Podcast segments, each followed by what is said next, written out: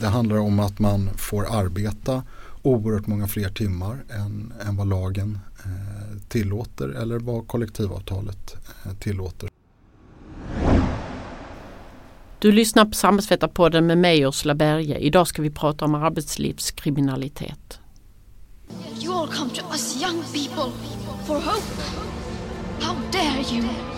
How dare you? Arbetsförmedlingens skyltar ska upp på fler ställen. Jag har örat mot marken, jag lyssnar, jag leder såväl partiet som politiken i landet. Vi måste också jobba i den andra delen, förhindra att unga pojkar väljer brottets bana och det är ett helt annat arbete. Det är sysselsättning, det är skola och det är socialtjänst. Det är alltså inte polisen som är problemet, utan politiken. Hej och välkomna till Samhällsvetarpodden som leds av mig Ursula Berge, samhällspolitisk chef på Akademikerförbundet SSR. Vår gäst idag är Ola Pettersson, tidigare chefsekonom på LO och nu regeringens utredare om arbetslivskriminalitet. Välkommen Ola! Tack så mycket! Regeringen har ju tillsatt dig som ordförande i en delegation som ska jobba med att få bort arbetslivskriminaliteten och ni ska jobba med frågan till 2025. Mm. Då börjar vi med den första frågan. Vad är egentligen arbetslivskriminalitet? Ja det har jag ju funderat eh, en del på sedan jag fick den här frågan eh, att bli ordförande. Men, eh, och det är, ett mängd, det är en mängd olika fenomen som liksom är kopplar till, till arbetslivet. Men jag kan ge några exempel. Mm. Det är ju brott mot arbetsmiljölagstiftning exempelvis. Olika former av skattebrott att man använder eh, arbetsmarknadspolitiska insatser på ett bedrägligt sätt. Eh, men det är också att man brott mot eh, utlänningslagen kan det vara. Men det i värsta fall handlar det om människoexploatering och trafficking. Mm. Och i, ert, i delegationens uppdrag finns ju att ni ska definiera detta. Mm. Betyder det att vi inte har någon definition alltså i lagstiftning utan att det är lite, att det är precis du säger, det är många lagrum som du i någon mening ja. hänvisar till nu? Nej, vad jag vet finns det ingen, eh, ingen lagteknisk eh, definition. Eh, det här är ju vad ska man säga, ganska nytt område för politiken i Sverige att fokusera på eller nygammalt kanske man ska säga. Så det är ganska viktigt att hitta en bra definition eh, av det här eh, av många skäl. Mm. Um, jag tänkte vi skulle sen komma in på eh, ert uppdrag är också att försöka kvantifiera och få en bild av hur omfattande ja. det är. Men vad tycker du inledningsvis, vad är värst med arbetslivskriminaliteten? Jag har funderat eh, på det. Å ena sidan har vi ju vad ska man säga, extremt grova brottsligheter som handlar om människohandel eller liksom modernt eh, slaveri som såklart för individen är, eh, är fruktansvärt. Men sen har vi ju kanske en, en mindre allvarlig eh, brottslighet som ur ett samhälleligt perspektiv i längden blir väldigt allvarlig för det liksom undergräver tilltron till, eh, till välfärdsstaten eh, och det, gör, det korrumperar kan man säga hela branscher eller delar av näringslivet. Och det tror jag är väldigt eh, farligt för tilltron till ja, samhället. Mm. Men vad är inte arbetslivskriminalitet? Om jag lyckats få med mig en penna hem från jobbet där det står jobbnamnet. Va?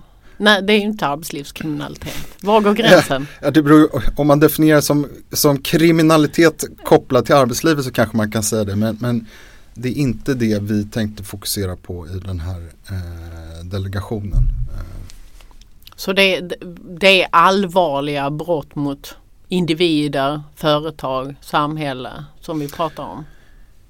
Ja, fast det är på många olika eh, nivåer. Det kan, det, kan, det kan faktiskt också handla om någon form av mer lågintensiv brottslighet där man liksom Eh, företag eh, liksom konsekvent eh, tar de liksom enklaste eh, vägarna och ständigt ligger liksom i gränslandet mellan vad som är lagligt och inte eh, lagligt. Eh, och det är ju så att det kan ju mer handla om att ska man säga, det sammantaget blir systemhotande eller liksom undergräver eh, vår arbetsmarknadsmodell. Eh, eh, mm. Och jag tänkte vi skulle komma in på det. Det finns ju välfärdsbrottslighet när man utnyttjar olika typer av skatteavdrag eller Ja. olika typer av bidragssystem som, som ju Mm. hotar hela samhällskonstruktionen. Men, men man tänker spontant att sånt där som eh, människohandel och, Mm. och, och sånt, exploatering eh, av människor eh, och i, som är i en utsatt ställning. Att det är något av det grövsta man kan tänka sig. Ja, det håller jag med om. Och sånt finns ju också. Eh, nu förstår jag att hela ni ska jobba ända till 2025 så det, Mm. och du är precis nyligen tillsatt så det är Mm. klart att ni, ni har, har inte all fakta på bordet. Men Nej. om du bara skulle eh, beskriva hur omfattande tror du att det här är? Det finns ju ändå lite eh, arbete som redan har Mm. gjorts. Nej, Jag tror att det fortfarande är så att det här är, är ganska koncentrerat till vissa eh, branscher. Och, men där är det då antagligen väldigt eh, omfattande. Eh, vi har ju många vittnesmål från byggbranschen eh, exempelvis som verkar vara hårt ansatt. Vi har ju transportbranschen eh, men också delar av vad ska man säga, välfärdssektorerna.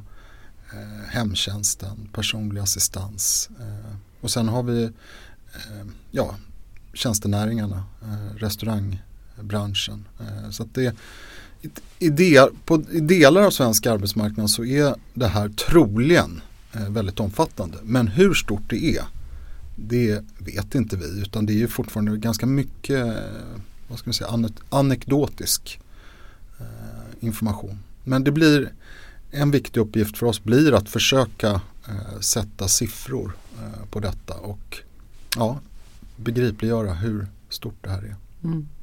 Är ni tillsatta för att eh, regeringen har en bild av att det ökar? Ja, jag tror det. Ehm, det är ju som sagt väldigt svårt. Om man inte har bra indikatorer som man kan följa över tid då är det väldigt svårt att säga om någonting ökar. Men det är uppenbart att ehm, ja, det finns väldigt mycket som tyder på att det är eh, omfattande och att det i alla fall över en längre tid har ökat i, i omfattning. Ehm, Men regeringens bild är tveklöst att det har ökat över tid. Så vi har både kanske dålig koll och att det, det ökar. Ehm, Ja, fast jag tror att på ett sätt kan man nog säga att kollen har blivit bättre. För det som har hänt är ju att det här har blivit eh, en viktigare fråga som fler och fler myndigheter jobbar med. Eh, regeringen har tillskjutit mer resurser exempelvis till Arbetsmiljöverket och så. så att det är klart att det kan ju bidragit eh, till att man ser mer av fenomen som kanske har funnits med oss eh, under ganska lång tid. Skulle du säga att alltså det är ju också svårt att vara företagare och det är mycket blanketter och det är Mm. svårt att, att ha koll på allting. Alltså Mm. hur, hur mycket tror du är rent slarv eller okunskap och hur mycket är eh, mer systematisk kriminalitet? Eller bara undandragande av, eh, ska säga, Mm. skatteansvar eller det vi pratar om här tror jag i ganska liten grad handlar om oförmåga eh, eller okunskap. Eh, jag tror att mycket av det här i själva verket är väldigt eh, systematiskt där man har identifierat liksom, brister och blottor i olika eh, system och också i rättskedjan som man utnyttjar maximalt eh, till väldigt låg risk. Så att det är klart att det finns eh, människor som gör fel eller företagare som gör fel som inte har lyckats ta reda på hur det förhåller sig. Men det stora i det här är nog snarare det, det systematiska eh, i det. Att Mm. det är aff- en affärsidé för en hel del människor. Byggnadsbranschen har ju tillsatt en, en kommission som, som har tittat lite på det här ett Mm. tag och de jag läste att de hade gjort en intervjuundersökning där de sa att ah, mellan 5 och 30 procent av all byggverksamhet i Stockholm är, är illegal. Jag, jag kan ju inte verifiera eh, Nej. att det stämmer. Men vad, vad är din reaktion? Ja, det är å ena sidan beklämmande och å andra sidan kanske det ändå stämmer hyggligt väl överens med den bild som många av oss ändå har av den här eh, branschen. Att den, har, ja, den är hårt, eh, hårt ansatt. Och du, har, du har nämnt eh, byggbranschen, transportbranschen, hemtjänstbranschen. Eh, hotell och restaurang har man ju en liten föreställning om att den kanske också är hårt drabbad. Är det så? Ja, det tror vi. Eh, men som sagt, jag, jag är i en inläsningsfas eh, just nu och försöker lära mig mer om de här eh, olika branscherna. Så det är svårt för mig idag att liksom väga vilken bransch är, är mest utsatt eh, och så. Men, men eh, ja, allting tyder på att även restaurangbranschen är, har stora problem. Mm. Um, för några år sedan så, så um, satte ju regeringen um, till ett, en myndighetssamverkan där åtta myndigheter mm. skulle samverka om det här och det, mm. var, ja, det var polisen och Arbetsmiljöverket och Ekobrottsmyndigheten och alla möjliga. Um, och de kom med en rapport där de beskrev att detta var ett växande problem. Mm. Uh, och så beskrev de också att, att de såg en kedja av brott. Att det, både, att det var både skattebrott och bidragsbrott och det hängde ihop med arbetsmiljöbrott och, och utnyttjande av människor. Mm. Och så tänk, tänk alltså om alla de här myndigheterna samverkar så, så eh, har det varit ett verkningsfullt verktyg som du bedömer det att de här myndigheterna har kunnat samverka på det här sättet? Det är absolut potential eh, att vara det. Eh, och det, det behövs eh, Eh, antagligen för att samhället ska kunna agera kraftfullt. Att de arbet, arbetar tillsammans. Men eh, man kan väl säga att många av de här myndigheterna upplever att de idag är inskränkta på olika sätt av eh, sekretessregler eh, och oförmåga att kunna liksom överföra rätt information mellan eh, myndigheter så att det här ja, de ser i alla fall stora möjligheter att göra det här gemensamma arbetet mer effektivt om de får bättre verktyg. Och det ska ni bland annat utreda, hur, vilka verktyg det ska bli? Det är faktiskt en egen utredning som, som Finansdepartementet har tillsatt som ska titta just på det här med sekretess och eh, informationsöverföring eh, för att verkligen liksom penetrera. Är det här finns det genuina legala eh, begränsningar eh, och i sådana fall vad kan man göra åt dem? Det, det svaret hoppas vi få under nästa år från den utredningen och det blir såklart en väldigt viktig, viktigt inspel till vårt arbete. Mm. Så du slipper lägga lagförslag? jag tror att vi kanske så småningom kommer lägga eh, lagförslag, eller vi har i alla fall den möjligheten i direktivet att mot så att säga, slutet av vår eh, period eh, göra det. Eller under resans gång om, om vi upptäcker saker som är liksom, uppenbart skulle kunna liksom, lösas med hjälp av, av eh, ny lagstiftning. Mm. Eh, men inte på just området när det gäller eh, sekretess. Mm. Jag tänker på det som de här, den här myndighetssamverkan har kommit fram till att alltså, Ofta är det så att befinner man sig i den här arbetslivskriminaliteten så bryter man mot många lagar samtidigt. Mm. Och så tänker jag så här, då kanske, alltså vilken är den svagaste länken?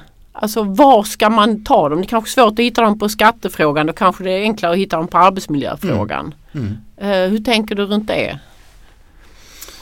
Jag har inte, jag har inte tänkt eh, färdigt eller vet inte tillräckligt för att eh, kunna bedöma det. Men det, det, var, det, jag har kunnat läsa mig till det är ju att Arbetsmiljöverket har väldigt god tillgång till arbetsplatser eh, genom sitt eh, reglemente, det de ska göra, att, att liksom faktiskt eh, inspektera eh, arbetsplatser. Så att de är väldigt viktiga här. Eh, många av de här brotten är, är svåra att konstatera utan vad ska man säga, någon form av fysisk eh, närvaro. Man måste gå ut till arbetsplatser och titta vilka människor eh, är det som arbetar där och eh, under vilka förhållanden. Eh, så att Arbetsmiljöverket kan man säga har en, har en eh, troligen en, en liksom naturlig ledande roll i det här arbetet. Och jag tänker om man kommer ut på arbetsplatser så personalliggare ska mm. det finnas nu för tiden. Mm. Um, och, och, då, ja de är väl inte alltid korrekta tänker jag. Ehm. Nej men, men det är lite det jag säger, det har ju hänt ganska mycket eh, ändå de senaste åren. Som det här personalliggare eh, enligt ganska samstämmiga uppgifter är ju verkningsfullt i vissa branscher. Eh, däremot har det varit som jag förstår det svårt att eh, få det fungera i bygg, i byggbranschen som på ett sätt är, det är öppnare arbetsplatser, det är många fler som kommer och går, det är svårare att verifiera vem som, ska, som är där och vem som eh, ska vara där. Så där behöver man uppenbarligen göra mer för att liksom faktiskt kunna fastställa vilka personer är det som eh, jobbar här och vilka är det som har rätt att jobba här. Mm. Om du skulle beskriva delegationens uppdrag eh, mm. i, i huvudsak, vad, vad ska ni göra? Dels är det ett uppdrag som handlar om att samla och eh, stödja och det är ju ett, ett ganska kommunikativt eh, uppdrag eh, där det handlar om att prata med många människor, bygga en, en samsyn så att säga kring eh, problembilden och eh, där man gör kan man säga, gemensamma överenskommelser mellan, inom olika branscher om vad ska vi göra för att kunna bidra till att och komma till rätta med det här. Sen finns det ett, ett kunskapshöjande, ett analytiskt eh, uppdrag som bland annat går ut på att kvantifiera eh, och hitta indikatorer eh, men också att dra lärdomar från andra länder. Och sen slutligen också såklart en möjlighet att lämna förslag på politiska förändringar eller ny lagstiftning. Mm. De här åtta myndigheterna när de fick sitt uppdrag så skrev de också att, att det fanns farhågor att det skulle bli värre under pandemin. Mm. Varför skulle det bli det och blev det så? Om det blev så vet inte jag. Men farhågan är ju väldigt rimlig därför att det betalades eh, ut väldigt mycket pengar till det privata eh, näringslivet. Det fanns väldigt många olika eh, stödformer. så att det fanns ju för personer med kriminella avsikter fanns det ju såklart goda skäl att försöka få del av de här Eh, väldigt stora eh, resurserna som det offentliga eh, bidrog med till att liksom upprätthålla sysselsättning och, och ekonomisk aktivitet. Mm. Och man har ju hört sånt, det är väl kanske också anekdotiskt, men att personer som, som eh, permitteras med korttidsarbete tvingas tillbaka och arbeta utan mm. Eh, mm. fastän de gick på korttidsarbete. Mm. Så att, och det var ju många miljarder som ja singlade ut där. Det får väl ja, eh, Framtiden utvisa. Framtiden utvisa mm. vad det var som um, hände egentligen. Men mm. jag tänkte Parat med detta kan man ju säga det finns en annan stor förändring av politiken som, som jag tänker påverkar detta ganska mycket och det är de ganska omfattande förändringar av migrationspolitiken. Mm. Och um, hur tänker du runt det? Och då är ju framförallt det här att vi har ju övergått från permanent uppehållstillstånd som huvudregel till tillfälligt uppehållstillstånd. Och för att få permanent uppehållstillstånd så, så måste du ofta eh, visa upp att du kan försörja dig i, i, en fast anställning under ganska lång tid. Mm. Eh, om du ska resonera runt hur, hur den förändrade migrationspolitiken påverkar arbetslivskriminaliteten, vad tänker du där? Jag är inte säker på att jag kan tillräckligt mycket om det ännu för någon form av samlat eh, omdöme. Det jag kan mer om det är ju arbetskraftsinvandring och den eh, politiken som jag tycker det är ganska uppenbart att de förändringar som skett i det regelverket under, eh, under 2000-talet har ju möjliggjort eh, delar av eh, detta. Eh, det liksom, tror jag har varit en bidragande faktor till att vi har sett en, en eh, tillväxt. Men om, om, om jag ändå ska försöka adressera det här med, med uppehållstillstånd så det handlar väl om att allting som gör att arbetstagaren befinner sig eh, i ett läge där man kan bli exploaterad eller utnyttjad av arbetsgivaren som ger arbetsgivaren eh, makt eller förändrar maktbalansen eh, tror jag spelar in i det här och om det är så att, att man att vad ska jag säga, tillfällig uppehållstillstånd har den här effekten då är det ju sannolikt att det kan påverka. Mm. För jag tänker till exempel på de här ensamkommande och många har nyligen kanske gått ut gymnasiet och då, mm. Eh, då måste du ju kunna visa att du har, kan, eh, kan få ett fast arbete under mm. ja, om det är 18 månader eller vad det är. Du, du är ju i mm. en väldigt utsatt ställning och kan komma i ett läge där arbetsgivaren faktiskt kan idka utpressning mot dig. För det, det handlar om du får stanna i landet eller inte och mm. bli utvisad till Afghanistan där du kanske aldrig har varit. Mm. Eh, vad tänker du runt den obalansen? Nej, jag tänker att man måste ha eh, regelverk eh, som liksom inser att det finns ofta obalanser i, i makt eh, just kopplat till arbetslivet och till arbetsmarknaden. Att man måste väga in de eh, ja, effekterna när man konstruerar lagstiftning. Jag har ingen ambition att recensera migrationspolitiken men, men det är självklart att det måste vara en, eh, en faktor när man gör en, en eh, utvecklar lagstiftning på det området. Mm. Um, I de definitionen av arbetslivskriminalitet så i alla fall i ett direktiv nämns välfärdsbrottslighet. Mm. Mm. Uh, beskriv det, vad är det? Ja, det är också ganska många uh, olika saker men det är ju det kan ju vara att man fuskar sig till uh, sjukpenning som man inte har rätt till. det kan vara att man eh, tillgodogör sig a-kassa trots att man kanske själva verket eh, jobbar. Eh, ja, det är ju många olika saker. Vi, vet, vi har ju många vittnesmål om, om fusk och, och brott av olika slag eh, kopplat till eh, privat hemtjänst, till personlig assistans. Eh, så att det är den typen av fenomen som man ofta lägger in i, i det begreppet. Beskriv hur den här eh, kriminaliteten runt eh, till exempel hemtjänst och personlig assistans kan se ut. Ja, det är ju, det är ju alltså när det gäller hemtjänst. Jag har nyligen läst en, en bok som jag tyckte var väldigt intressant som heter Hemtjänstmaffian. Eh, och det handlar ju om eh, att man helt enkelt eh, uppger bland mycket annat felaktiga uppgifter om hur många timmar man har personalen har befunnit sig hos en person som då har rätt till, eh, till hemtjänst. Eh, det handlar om att eh, personer har eh, kunnat invandra till Sverige på, på felaktiga eh, premisser på grund av att de då påstås vara anställda i, i hemtjänsten, hemtjänsten utan att kanske eh, vara det. Det handlar om att man får arbeta oerhört många fler timmar än, än vad lagen eh, tillåter eller vad kollektivavtalet eh, tillåter. Så att det återigen vad, vad vi ser är väl liksom aktörer som kan våra system väldigt väl och utnyttjar dem på alla upptänkliga eh, sätt för att maximera sin, eh, sitt överskott.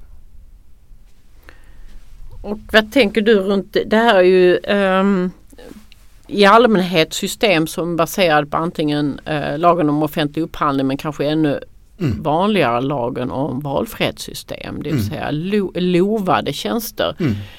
Upplever du att eh, loven till sin konstruktion klarar av att hantera arbetslivskriminalitet som den är konstruerad idag? Va, eller vad behövs ytterligare?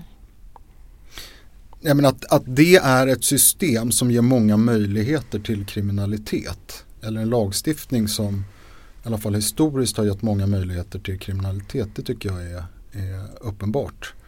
Eh, det är, må, många av de här vad ska man säga, valfrihetssystemen är ju införda som det verkar utan en tanke på att det kan finnas aktörer, företag som inte har goda avsikter. Eh, och det märks tyvärr då i, i, den, i den lagstiftningen och i den brist ofta brist på då kontrollsystem som vi har kopplade till den här lagstiftningen. Um, ingår det i ditt uppdrag att fundera runt detta och lägga förslag runt detta? Det är inte explicit i, i direktivet men om, om vi gör bedömningen att det här är så att säga ett område som är eh, viktigt ur det här perspektivet vår, när det gäller vårt uppdrag då utgår jag från att vi kommer eh, lägga förslag på det området. Mm. Spännande. Um, här i vårt förbund och många andra också jobbar ganska mycket med arbetsmarknadspolitiken just nu. Vi har en mm. väldigt omfattande reformering av Arbetsförmedlingen mm. som innebär att det, det, det ska eh, väldigt många tjänster ska, ska eh, läggas ut på fristående aktörer. Men en, en tjänst, eh, en arbetsmarknadspolitisk åtgärd som har funnits länge är nystartsjobb. Mm.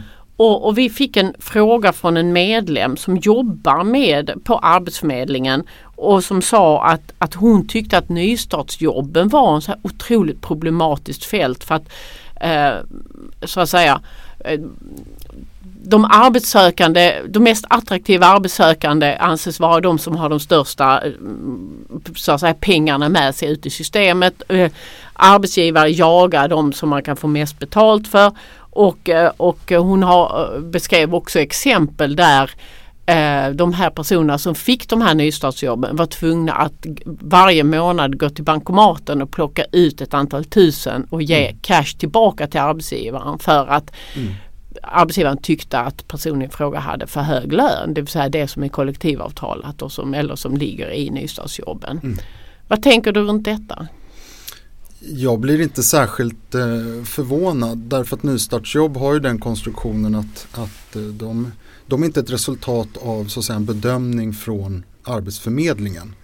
Eh, och och eh, bygger inte heller på att liksom Arbetsförmedlingen har någon klar uppfattning om att det här är en lämplig arbetsgivare och så vidare. Utan det, det är en så kallad rättighetslagstiftning snarast där du initiativet kommer från, från liksom företaget och eh, arbetstagaren. Så det är klart att det gör att det finns mycket större möjligheter till fusk tror jag än andra typer av, av eh, subventionerade anställningar. Så det är uppenbart att om nystartsjobb ska vara ett väldigt väsentligt inslag i arbetsmarknadspolitiken då måste man också ha eh, system runt det som, som är eh, ja, lyckas eh, kontrollera det här på ett eh, mer offensivt sätt än vad man kanske har gjort historiskt.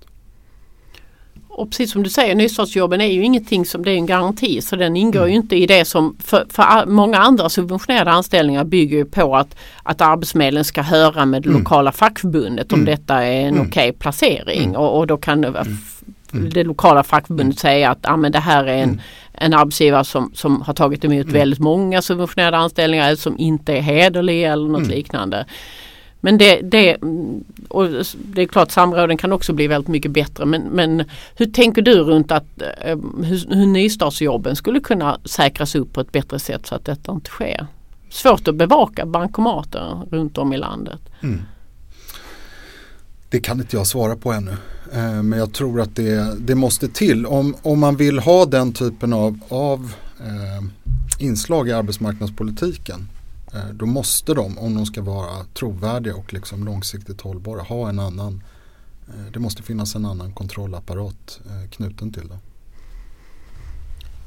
Och som jag nämnde inledningsvis så är det ju också Arbetsförmedlingens reformering innebär ju då också att Arbetsförmedlingen eh, ska genomföra mycket färre matchningstjänster själv och lägga mm. ut väldigt mycket på fristående aktörer. Mm.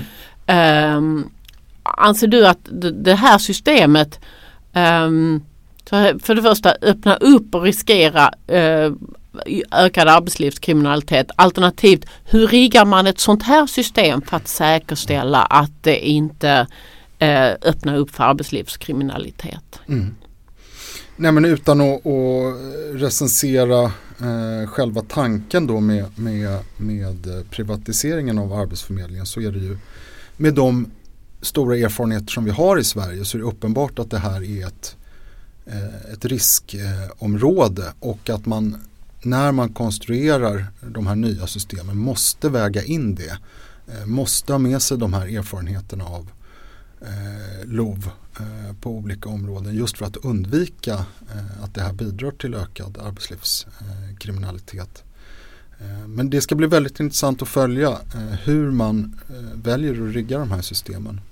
För som sagt, jag utgår från att de kommer bygga på de erfarenheter som, som eh, vi alla i Sverige har dragit. Mm. Samtidigt är det en otroligt eh, reform i otroligt högt tempo. Mm.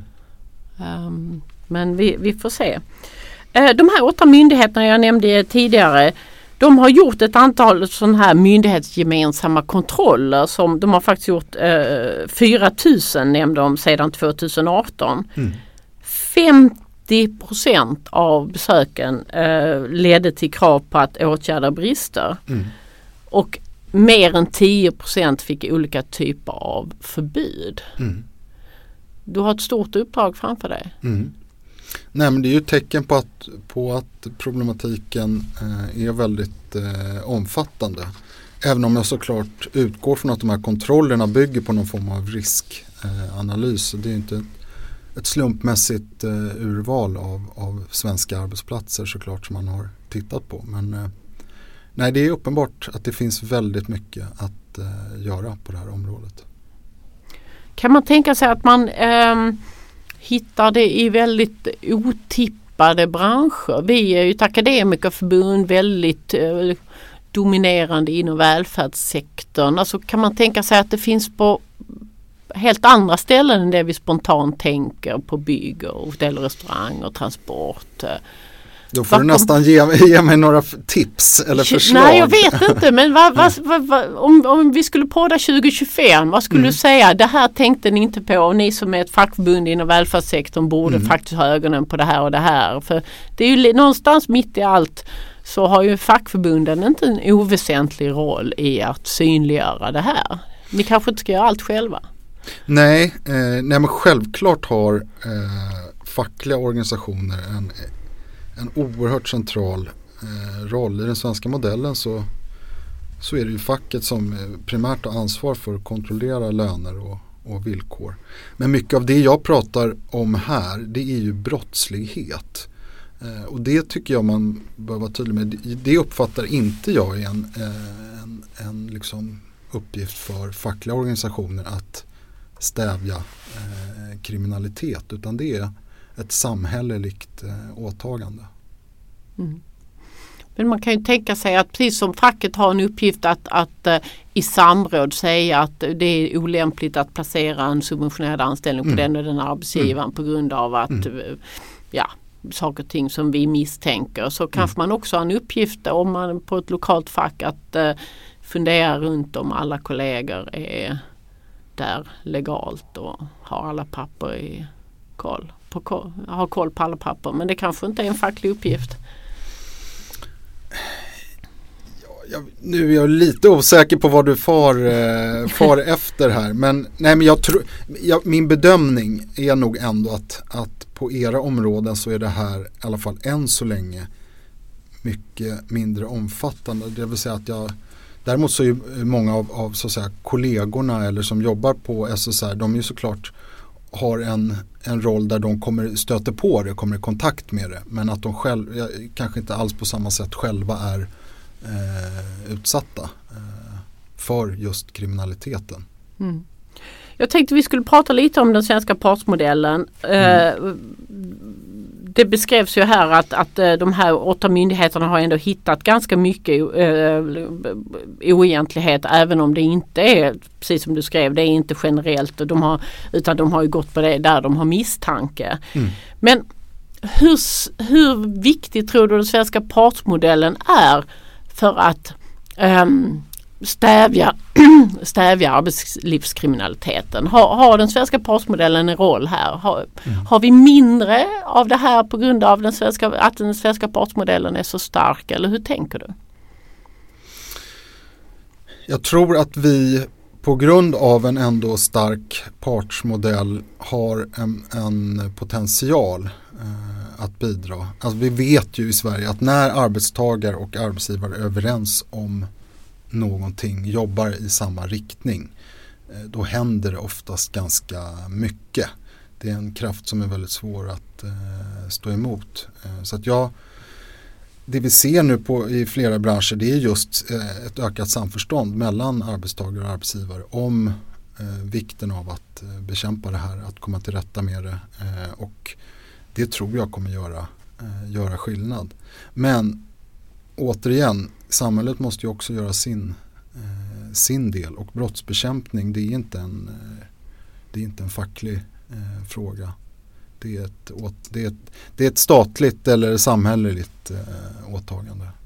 Eh, jag kan inte se att, att det är möjligt för arbetstagare och arbetsgivare att liksom eh, komma åt eh, grov, vad som i vissa fall är grov eh, organiserad eh, brottslighet. Det, det, det, det, skulle vara orimligt att kräva att Eh, att parterna på arbetsmarknaden skulle ha möjlighet att hantera det. Men tänker du att det initiativ som har tagits inom byggbranschen mellan eh, byggfack, mm. byggarbetsgivarorganisationer mm. och enskilda stora byggföretag, mm. att det är någonting som, som bran- parterna i olika branscher borde göra också utanför byggsektorn? Ja, jag, jag tror det. Jag, jag, tror att det kommer bli verkningsfullt. Jag tror att det kommer göra skillnad. Ehm, ja, så det, jag hoppas det. Eh, och jag hoppas att delegationen eh, kanske till och med ska kunna bidra till det i Ja, det, det ligger delvis i vårt uppdrag som jag ser att verka just samlande och eh, stödjande och uppmuntra den typen av initiativ. Nu har vi pratat om den svenska partsmodellen eh, och ni har ju ert uppdrag också att göra internationella mm. jämförelser. Mm. Och hur står sig Sverige i jämförelse med andra länder vad det gäller det här? Det nu har vet... du precis börjat. Ja, nej men det tror inte jag att vi vet i särskilt hög grad. Men eh, tyvärr så finns det ju, det finns vissa eh, uppgifter om att man eh, ser Sverige som lite grann ett lovligt eh, byte eh, på det här området. Att vi har en, vad ska man säga, haft, i alla fall haft en mycket mer tillåtande syn på det här än vissa av våra eh, grannländer har haft och att eh, ja, vissa aktörer av den anledningen har, har sökt, sig, eh, sökt sig hit. Om, I vilken grad den bilden stämmer det kan inte jag verifiera men den finns där. Eh. Att vi har varit för godtrogna? Eller hur ska vi? Jag vet inte om det handlar om att man är godtrogen. Vi kanske har prioriterat andra saker. Eh, andra saker har varit viktiga. Eh. Ni har fått ett eh, speciellt uppdrag att titta på Norge. Mm. Vad har de gjort? Norge har eh, som vi förstår det arbetat mycket mer eh, offensivt eh, med de här frågorna. de har också ett, en mycket mer alltså deras samverkan mellan myndigheter är mycket mer långtgående än vad den är i Sverige. Man är liksom samlokaliserade och liksom jobbar mycket tätare ihop mellan olika myndigheter i, i någonting som kallas för A-krim center. Eh, och eh, ja, vi är väldigt nyfikna på vad man har gjort i Norge och eh, i vilken mån vi kan lära oss av det det är uppenbart att i alla fall när det gäller definitioner och att kvantifiera så, så har ju de kommit mycket längre än vad Sverige har. Så att vi, vi ska låna så mycket goda idéer som möjligt från, från Norge men också andra nordiska grannländer. Och då är det ett antal myndigheter som samverkar och samlokaliseras. Eh, men vi kan ju inte samlokalisera alla åtta myndigheter som varit inblandade i det här. Nej, jag är inte säker på att vi rakt av ska kopiera vad man har gjort i Norge utan det gäller ju och se om man kan hitta liksom eh, angreppssätt eller metoder som är möjliga att liksom överföra till en svensk eh, kontext. Mm. Och nu ska ni ju lämna en hel rad med olika delbetänkanden och ni ska vara färdiga först 2025. Mm. Om vi skulle på det här 2025, vad, vad tror du eh, kommer vara ert mest kraftfulla verktyg? eh, du menar vad vi då tror vad är det som kommer göra störst skillnad? Ja. Eh, jag tror ju att det handlar ändå delvis om eh, resurser. Eh, det vill säga att jag tror att risken för upptäckt har varit för, för låg och att vi behöver ha fler människor som arbetar med kontroll av det här på olika sätt. Så att jag tror att vi antagligen har eh, mer, fler människor som arbetar på det som idag är Arbetsmiljöverket och för att jobba med de här frågorna. Det, det skulle jag föreställa mig. Eh, och om det inte eh, är, är det 2025 så tror jag att vi skulle föreslå det. Så du ser lite Arbetsmiljöverket som en nyckelaktör här? Jag vet inte om det, är, om, om det är viktigt att det är just en särskild myndighet som liksom har huvudansvaret. Men jag tror det är viktigt att, att vi lägger mer resurser eh, på att beivra. Eh, därför att jag tror att det, i vissa delar av, av, av näringslivet så har liksom, det varit för lönsamt att ägna sig eh, åt det här. Eh, det måste vara större sannolikhet att du åker fast och det kanske till och med är så att, att eh, påföljderna måste vara eh, mer kraftfulla för att bita. Men det, det vet inte jag. Eh, men jag spekulerar här. Och vi har varit inne på, på många svåra frågor mm. och, eh, och så. Men jag tänkte avslutningsvis bara Vad tänker du dig att eh, ja, även om du, du säger att fackförbunds uppdrag är inte att eh, beivra lagstiftning och så vidare. Det har vi ett rättsväsende för. Men vad mm. tänker du att eh, vi som facklig organisation borde tänka på här för att understödja ditt arbete? Ja, men det är klart att må många fackliga organisationer har en väldigt klar bild av vad som händer i, eh, i olika branscher. Eh, även om de inte alltid har no någon möjlighet att göra så mycket åt det så har, sitter de ju på väldigt mycket information och eh, kunskap eh, om vad som kan, skulle kunna vara verkningsfullt. Så det hoppas jag ju väldigt mycket på dem, den typen av liksom, idéer och eh, inspel. Men eh, sen är ju ja, våra fackliga organisationer extremt centrala samhällsaktörer i Sverige är ju med och skapar så att säga, överenskommelsen om vad som är, är rätt, och, rätt och fel eh, i vårt land. Så att eh, också bidra på den vägen med opinionsbildning och liksom tydliga uppfattningar om, om vart vi behöver röra oss i Sverige. Tusen tack Ulla. Tack. Lycka till med ditt arbete framöver. Tack så mycket. Det var allt från Samhällsvetarpodden som kommer varannan vecka och görs av Akademikerförbundet SSR, Sveriges ledande samhällsvetarförbund.